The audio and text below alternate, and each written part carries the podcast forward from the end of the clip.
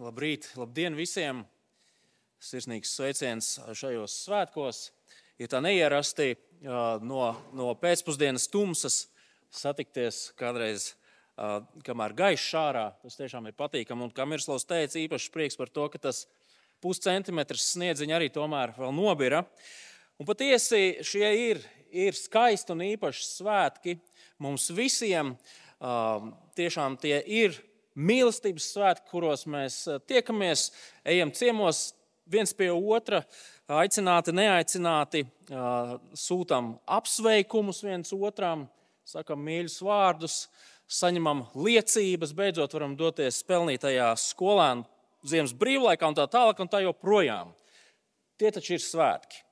Un runājot par apsveikumiem, manās rokās nonāca tāds rullīts. Es nezinu, kas to ir atstājis. Viņš man stāvēja pie durvīm. Un es domāju, nu kā, nu droši vien, droši vien paredzēt šiem, šim svinīgiem notikumam, lai mēs visi kopā atvērtu un izlasītu. Un tādēļ man vajag kādu brašu jaunēkli. Viņš tu vēl nezina, kas, kas būs jādara, bet nu nāc, nāc. Viņš ir ļoti brašs. Viņš piesakās pat tad, kad vēl nezina, kas ir jādara. Jā, ka tu man palīdzēsi viņu atvērt un nolasīt. Labi?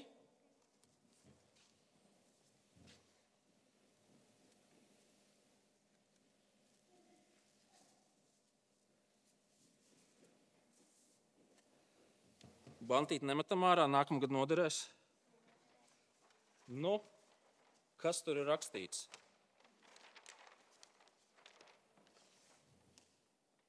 Visi Ziemassvētku saldumi ir pie manis, Zorgs. Paldies, Jākab. Tas nu gan, nu nesmuki tā. Visi Ziemassvētku saldumi ir pie manis, Zorgs. Kas ir zorgs. Un tiešām salduma arī nav. Eglīte pastieties galīgi tukša ar nobirušām skuņām. Draugi, kas tie pa svētkiem bez saldumiem? Bērni tikai nesāka traudāt vēl. Vēl, vēl nevajag. Ko, kā mēs varam to atrisināt, draugi? Ir jau kādi varianti. Ko mums darīt? Nu, Iet meklēt, labi, bet kur lai iet? Uzveikt zorgu. Pirmkārt, kas viņš tāds vispār ir? Un otrkārt, kur viņš dzīvo? Treškārt, kā mēs viņu uzveiksim? Ko mēs varam darīt? Saldumu nav. Zorgs ir paņēmis. Bet būtu, būtu kāds supervaronis, pareizi. Supervaronis varētu atrisināt šo mūsu problēmu. Diemžēl supervaroņi dzīvo filmās un grāmatās, un viņi īstenībā nepastāv pareizi. Vai tomēr? Jā. Nu, es nezinu, ko mums, ko mums darīt.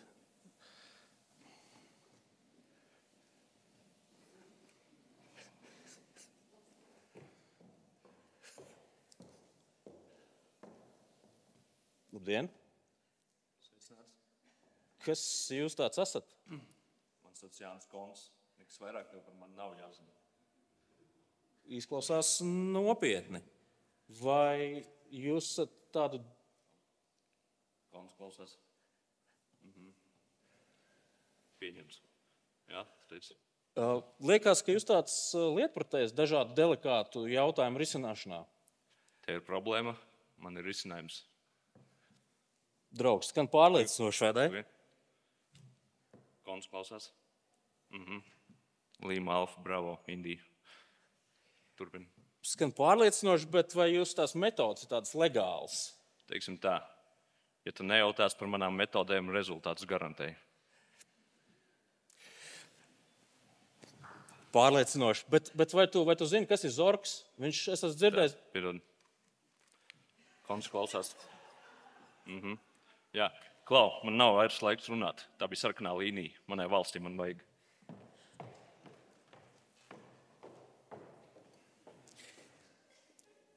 Es nesaprotu, vai šis sirsnīgais cilvēks izdarīs to, kas mums ir vajadzīgs, bet cerēsim, ka viņš aizies un zorgam tos saldumus atņems. Cerēsim, viņam izdosies. Izskatījās pārliecinoši ar visām sarkanajām līnijām un, un visu pārējo. Un, un kā viņu sauca? Jānis Konts. Iedomājieties, Jānis Konts, pašiem savs superaģents. Draugi, piekritīsiet, ka mēs tiešām ceram, ka viņam izdosies atrast saldumus un, un zorgam atņemt. Un, un ir labi, ka ir risinājumi problēmām. Pareizi. Ir labi, ka kādas problēmas var atrisināt. Un vai nebūtu tik forši, ja šajos svētkos un ikdienā vispār mēs varētu atrisināt daudzas dažādas problēmas? Piezvanām Jānim Kontam, viņš atnāk un visas lietas izdara. Piekritīsiet, ka mums visiem ir tās lietas, par kurām mēs gribam teikt, ja šī problēma nebūtu, tad taču būtu tik forši, būtu daudz labāka dzīve. Mēs tā sakām par tām nopietnām problēmām. Par karu mēs tā sakām, mēs tā sakām par slimībām, mēs tā sakām par, par kādām nabadzībām un, un dažādām bada radītām problēmām. Mēs to sakām par, par dabas katastrofām. Pareizi. Bet reizēm mēs paskatāmies arī uz sevi un mēs redzam, ka tā problēma jau nemaz nav jāmeklē ārā. Viņa ir tepat spoguļa priekšā. Ja vien es nebūtu tik dusmīgs, tad būtu labāk. Vai ja es nebūtu tik slinks, tad būtu labāk. Vai nebūtu tik skaudīgs, vai nebūtu tik, un mēs katrs varam pabeigt šo teikumu. Es nezinu, kā jūs, bet man liekas, ka viena no, no tādām cilvēku tādām labajām īpašībām ir šī spēja un vēlme risināt problēmas. Mēģināt atrast problēmas. Jānis Kons teica, tev ir problēma, man ir risinājums. Un patiešām ir priecīgi, ka mēs varam uh, vēstures lapusēs atrast simtiem vīriešu un sievietes, kas ir izmantojuši savu gudrību, savas prasmes, reizēm pat riskējam ar savu dzīvību, lai risinātu tās problēmas, kuras nomāca mūs visus. Un prieks redzēt, ka viņu risinājums strādā. Miljoniem dzīvības ir izglābuši cilvēki, kuri ir mēģinājuši risināt pasaules problēmas. Taču tik un tā pastāv problēmas, kuras nevar atrisināt. Liekas, ka var, bet nevar. Un reizēm tā vislielākā problēma ir tā, ka mēs pat nezinām, ka mums ir problēma. Redziet, Bībele māca, ka mūsu lielākā problēma ir grēks. Visas citas mūsu pasaules problēmas, mūsu personiskās problēmas kaut kādā veidā ir saistītas ar šo vislielāko problēmu, ko Bībele sauc par grēku. Ja mums ir tas eh, mazais mata evaņģēlijs par rokai, izlasīsim vēlreiz pirmajā nodaļā, no 20. līdz 21. pantām. Kad Jāzeps par to domāja, redzi, kunga eņģelis viņam parādījās sapnī un sacīja: Jāzep, Dāvida dēls, nebīsties ņemt pie sevis Mariju, savu sievu. Tas, kas viņā ieņemts, ir no svētā gara, viņa dzemdēs dēlu, un tu nosauksi viņu vārdā Jēzus, jo viņš izglābs savu tautu no grēkiem. Draugi, lai mēs saprastu, kas šeit notiek šajā raksturvietā, būtu labi nedaudz pakāpties solīt atpakaļ vēsturē un ieraudzīt to, to vēsturisko kontekstu. Redziet, tad, kad šie vārdi tika pierakstīti, ebreju tauta jau daudzus gadsimtus atradās Romas impērijas okupācijā. Un, un šie cilvēki, dzīvodami zem, zem, zem apspiedēja varas, Viņi domāja un sapņoja par to, kā reiz varētu iegūt brīvību un neatkarību. Un redziet, viņu šie, šie sapņi un ilgas nebija tādas tukšas fantāzijas. Šiem, šiem sapņiem un ilgām bija savs pamatojums. Kāpēc? Kur tas pamatojums bija rodams? Jo pats Dievs vecajā derībā viņiem bija devis daudzus skaidrus apsolījumus, ka kādu dienu nāks lielā izglābšanas un atbrīvošanas diena. Un Dievs šo lielo glābšanu īstenos caur kādu īpašu cilvēku. Īpaši cilvēku, kurš būs Izraēla tautas visslavenākā ķēniņa Dāvida pēcnācējs. Tas ir vēsturiskais fons. Un tagad mēs nonākam pie šīs Mata evaņģēlīja raksturvietas, kurā mēs redzam, ļoti iespējams, ne, ka ilgi gaidītais Dāvida pēcnācējs ir ieradies. Vai jūs pamanījāt, kā eņģēlis uzrunāja Jāzepu? Viņš saka, Jāz, Jāzep, Dāvida dēls. Tas nozīmē, ka, lai kas arī šis, šis galdnieks nebūtu, viņš ir Dāvida radinieks. Viņš ir tālu, tālu, tālu nākotnē dzīvojošs Dāvida pēcnācējs. Un tas ir svarīgi. Tas ir svarīgi tādēļ, ka šis puika, kurš ienāk Jāzepa ģimenē, ir Dāvida pēcnācējs. Un, ja mēs lasītu šo, šo Mateja evaņģēlu, un es īstenībā saku, ņemat līdzi šos mazos bukletiņus un izlasiet pa svētkiem. Tā ir dāvana jums. Ja jūs lasītu no sākuma līdz beigām Mateja evaņģēlī, jūs redzat, ka Matejs daudzos un dažādos veidos no visādiem leņķiem un visādām pusēm, gluži kā tie, tie prožektori tagad spīdina uz mani, viņš spīdina uz Jēzus personu, sakot, šis ir Dāvida pēcnācējs, tas, kuru visi gaidīja, tas, kurš beidzot varēs piepildīt to, ko Dievs tik sen ir solījis. Beidzot, ir ieradies tas, kurš dāvās glābšanu. Taču, vai jūs pamanījāt, no kā tad Jēzus cilvēkus glābs? Ieskatieties vēlreiz 21. pantā. Viņš izglābs savu tautu no Romas okupācijas, no bada, no slimībām, no augstās eriboru likmes, no mājas darbiem eh, skolēnu brīvlaikā, no, no, no cilvēkiem, kas aizmirst paņemt internetu, tad, kad ir tik svarīgi internetu pieslēgt. Nē, skatieties, ko, ko, ko eņģēlis saka. Nē, viņš izglābs savu tautu no grēkiem.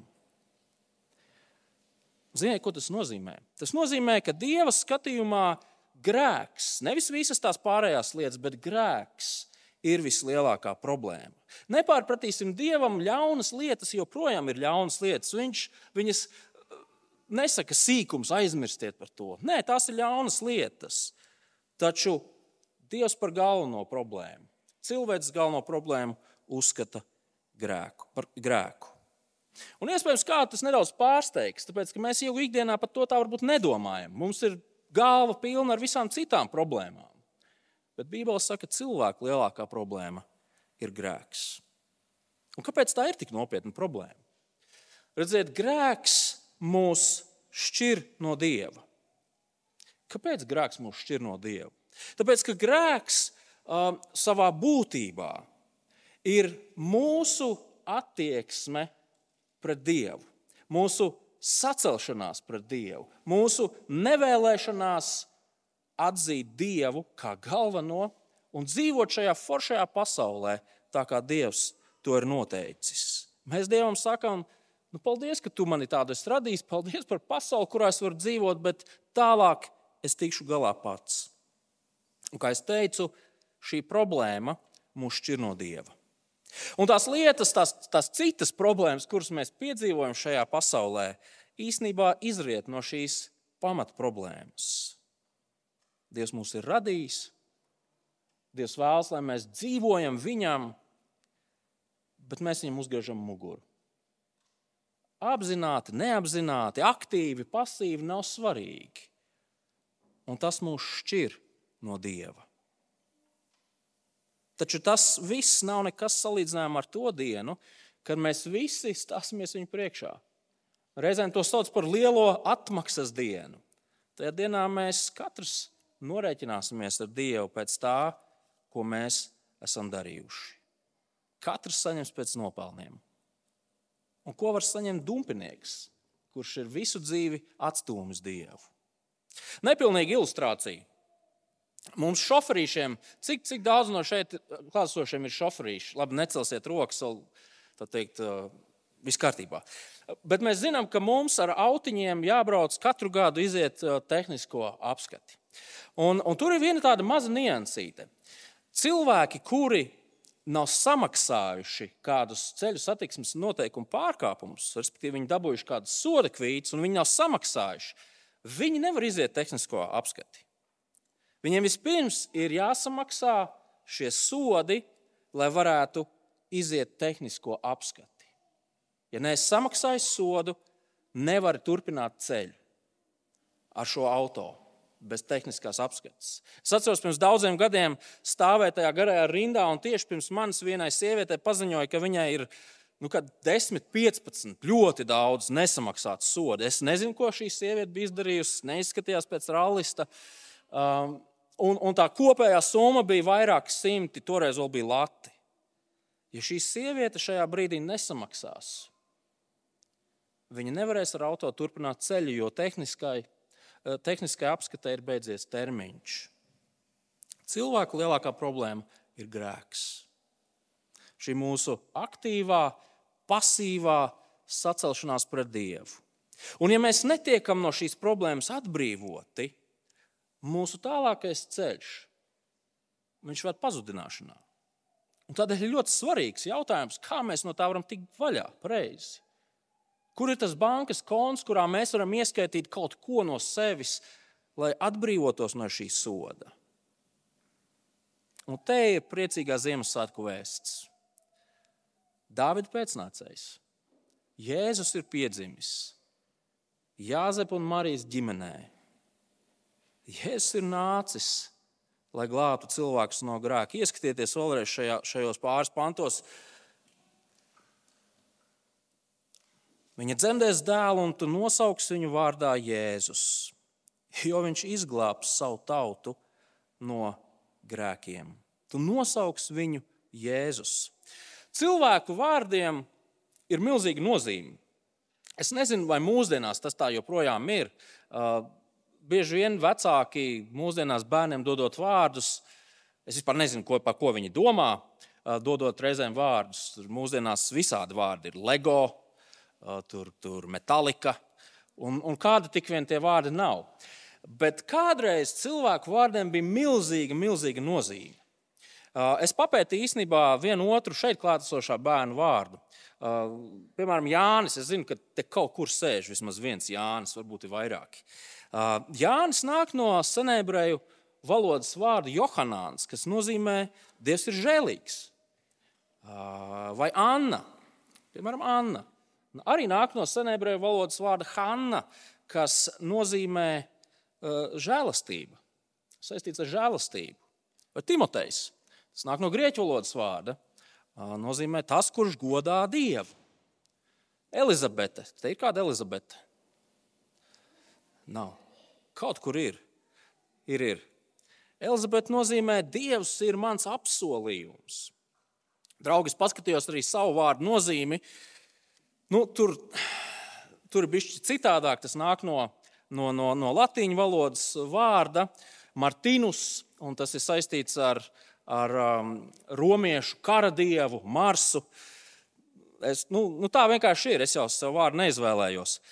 Bet redziet, katram, katram vārdam savā laikā bija sava nozīme. Un Jāzepam savs puika ir jāsauc vārdā Jēzus. Un Jēzus nozīmē Dievs glābj. Dievs glābj, jeb Dievs ir glābējs. Un mēs zinām to, ka Jēzus kuru sauc Dievs glābj, īstenos glābšanu. Bet kādā veidā tad Jēzus šo glābšanu īstenos? Kādā veidā viņš, viņš tiks galā ar šo milzīgo problēmu, kas katru cilvēku skar? Kā viņš atbrīvos cilvēku no, no grēka, pazudināšanas? Tas mums liek aizteikties nedaudz laikā uz priekšu, uz lieldienām, proti, Kristus nomirst, Jēzus nomirst pie krusta. Jēzus atdod savu dzīvību, tādējādi samaksājot to sodu, kas pēc taisnības pienākās mums grēciniekiem. Viņš gāja ciešanās un nāvē labprātīgi no savas brīvas gribas, lai mums nebūtu jāpiedzīvo pazudināšana. Viņš deva savu dzīvību, lai mums būtu mūžīgā dzīvība. Viņš tika dieva atstumts un pamests, lai mūs Dievs varētu pieņemt. Taču mums ir jāiet viens solīti tālāk. Redziet, lai arī Jēzus ienāca šajā pasaulē kā parasts cilvēks, kā mazs bērns piedzima, viņš nebija parasts cilvēks.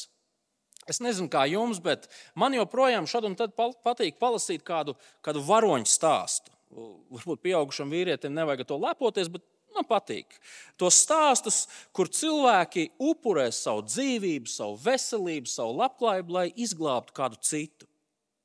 Piekritīsiet, ka vārdiem ņem mani, bet atbrīvo viņus. Tur kaut kas ir. Tur ir tāds īpašs skanējums. Tiešām gribas noliekt galvu to cilvēku priekšā, kuri ir gatavi stāties pretī lodēm, lai pasargātu savus draugus, savus mīļotos. Taču, lai kādus arī varoņdarbus cilvēki nedarītu, un lai kādās vēstures grāmatas lapusēs viņi nenonāktu, neviena cilvēka varonīgā nāve mūs nevar atbrīvot no grēka. Patiešām. Cilvēka miršana otra labā mūs neatbrīvo no grēka. Un tieši tādēļ cilvēka Jēzus personā šajā pasaulē ienāca pats Dievdēls. Jēzus bija cilvēks, bet viņš bija arī Dievs. Viņš bija unikāls, viņš bija pilnīgs, perfekts, nevainojams. Skatieties, ko eņģēlis Jāzeps saka, Jāzep, Dāvida dēls, nebīsties ņemt pie sevis Mariju, savu sievu tas, kas viņā ieņemts, ir no svētā gara. Neieiesim nekādās dīvainās spekulācijās par to, kā tieši tas notika. Tā ir, tā ir mistērija, tas ir noslēpums, bet zināsim to, ka Dievs, kurš pasakot dažus vārdus, no nekā var radīt pasauli, es pieņemu, ka viņam nav nekādas problēmas īstenot arī šo brīnumu.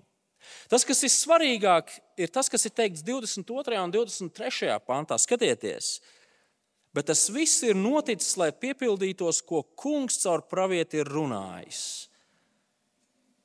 Redzi, jaunā taps grūta un dzemdēs dēlu, un viņa sauks vārdā Imants.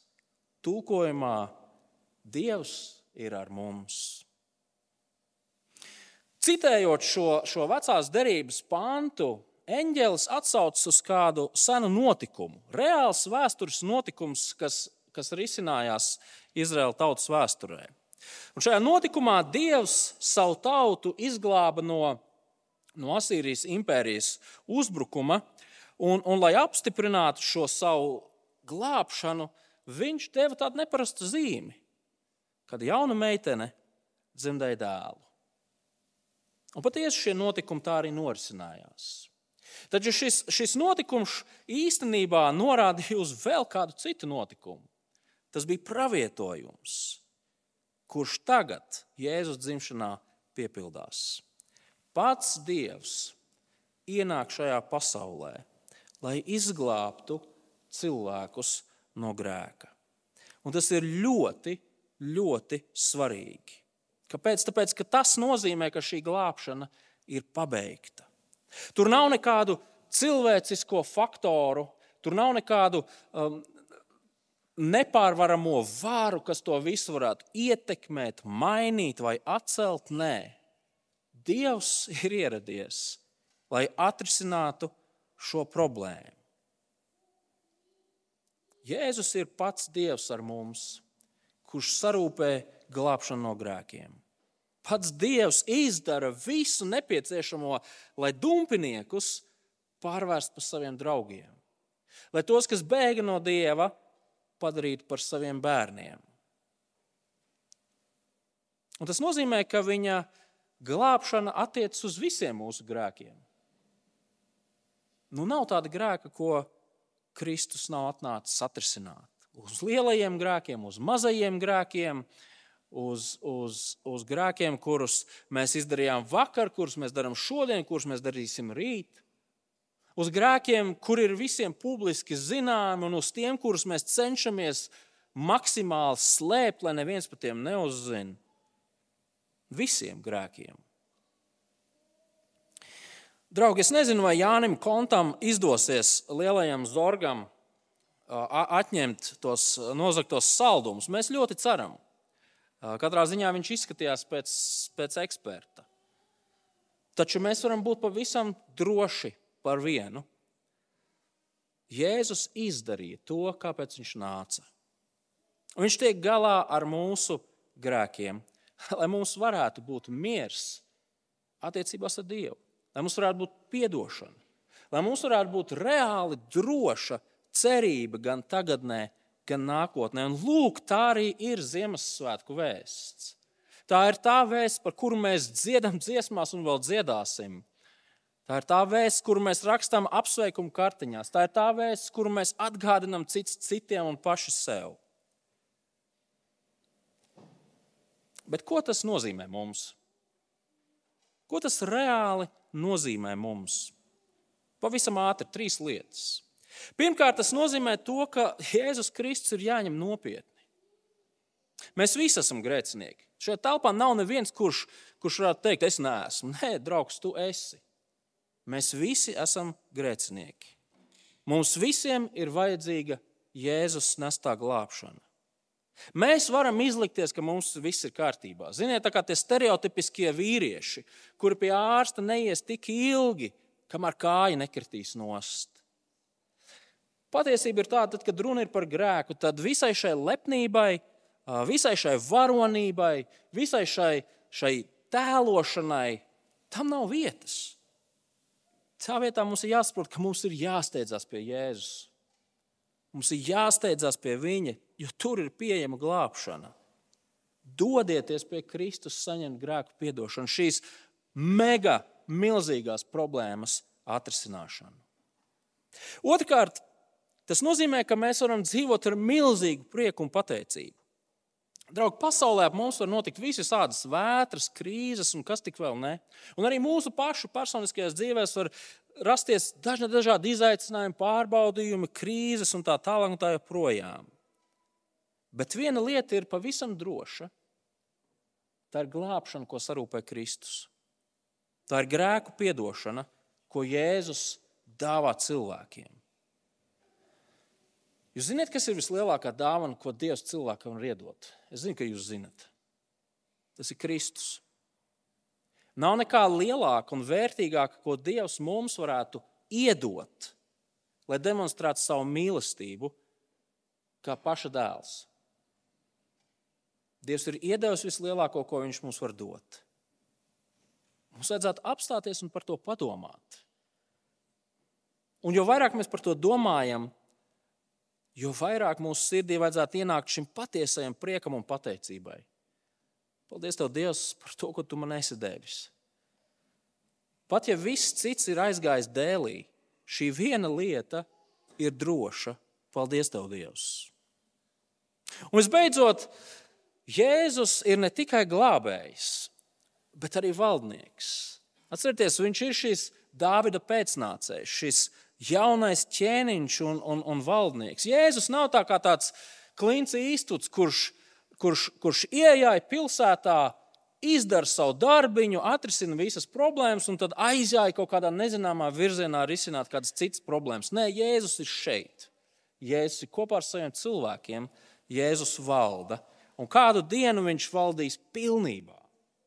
Un tādēļ mēs, kā ticīgi, esam aicināti apzinoties to, kas viņš ir sekot šim glābējam, kā savam valdniekam, dzīvot savu dzīvi ar prieku un pateicību paklausībā tam, ko Jēzus ir izdarījis.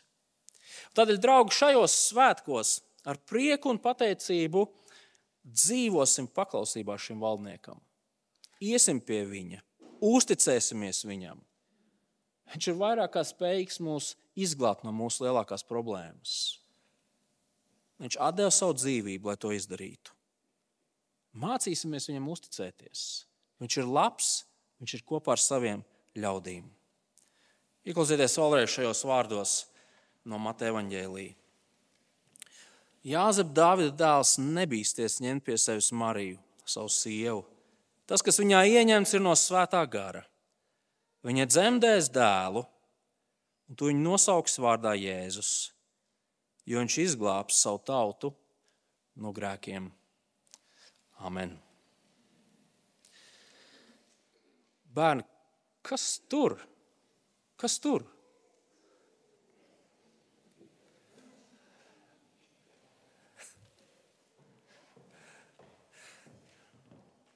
Vai tik tas nav mūsu brašais Jānis Konts? Es skatos, ka tu esi atguvis saldumus. Teiksim tā, Zorgs ledens vairs negrauzīs. Kā, kā, kā gāja? Kā, viss, viss kārtībā, jā, es ceru. Tas paliks mans noslēpums.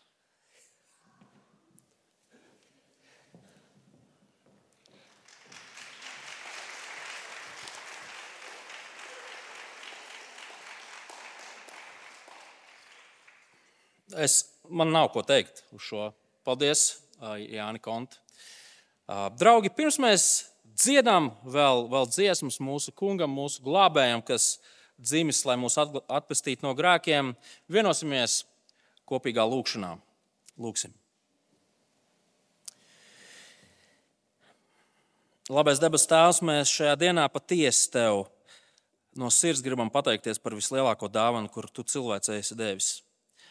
Tu devi savu pašu visdārgāko, to, ko Tu mīli visvairāk, lai Viņš labprātīgi atdod savu dzīvību par cilvēkiem, kuri Tevi nicina, kuri Tevi ienīst, kuri ir paštaisni, pašgudri, kuri nevēlas ar Tevi neko kopīgu kuri tevi mālē pēc sava skata un savu vaiga, bet tu tik un tā sūtīji savu dēlu šajā pasaulē, lai nomirtu par šādiem cilvēkiem kā mēs.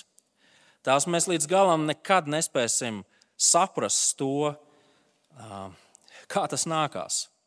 Šī tava žēlastība, šī tava mīlestība ir pārāk diža, pārāk liela mūsu prātam. Un tādēļ mēs lūdzam, lai mēs šo tavu milzīgo dāvanu varētu novērtēt. Patiesi arī šajā dienā, šajās svētku brīvdienās, kungs, kad mēs dziedam dziesmas par, par Jēzu, kad mēs uh, esam šeit un arī vēlāk cits ar citu runāsim un svinēsim, kungs, ka mēs varētu novērtēt to, ko tu mūsu labais darīs. Ka mēs varētu pateikties, no sirds pateikties par šo glābšanu, kur tu mums esi uzdāvinājis. Tāpēc tās mēs tev pateicamies par to, ka tu uzturi mūsu Tu, tu esi ne tikai labs radītājs, bet tu cilvēkiem dod visu, kas viņiem ir nepieciešams. Tās mēs pateicamies, ka tu gādā par saviem ļaudīm, tu gādā par savu draugu. Tādēļ mēs lūdzam, lai mēs jo dienas, jo vairāk uzticētos tev, lai mēs ikvienā lietā paļautos uz tevi. Tu esi atrisinājis mūsu vislielāko problēmu. Kas ir visas pārējās problēmas, Tēvs? Un mēs pateicamies, ka Tu atbild arī uz šīm mūsu lūgšanām. Tēvs, gadam noslēdzoties un jaunajam sākoties, mēs gribam lūgt tiešām, ka mēs varētu būt uh, krietni tavi ļaudis, kas, kas drosmīgi dzīvo savu ticīgo dzīvi, tā kā tu mūs esi aicinājis dzīvot. Tēvs, lai ko arī nākamais gads nenest, mēs lūdzam, kungs, ka mēs būtu stingri stāvoši tevī Tu esi mūsu stiprais ankurs, tu esi mūsu klints. Māci mums uzticēties tev un dzīvot saskaņā ar tavu vārdu un gribu arī nākamajā gadā. Dabas Tēvs, mēs pateicamies, ka Tu ah, mums ļauj arī pie sevis nākt ar mūsu ikdienas vajadzībām un lūgšanām. Un šajā svētku laikā mēs gribam īpaši aizlūgt par tiem mūsu vidū un mūsu paziņu vidū, kas ir kas ir kādās grūtībās. Tās, tās var būt kādas finansiālas, materiālas grūtības, tās varbūt ir kādas garīga rakstura problēmas vai emocionālas grūtības, nomāktība, depresija, vientulība, izmisums, neziņa. Visas šīs lietas, kas mūs kā cilvēkus piemeklē. Tavs esi tu, savu ļaužu stiprais plecs. Ļauj viņiem atcerēties, par savu žēlastību, par savu mīlestību, par savu gādību, un lai tas palīdz. Un dod, ka arī mēs, kā tavi ļaudis, varam iet uh, un nostāties līdzās tiem, kas iet cauri šīm grūtībām.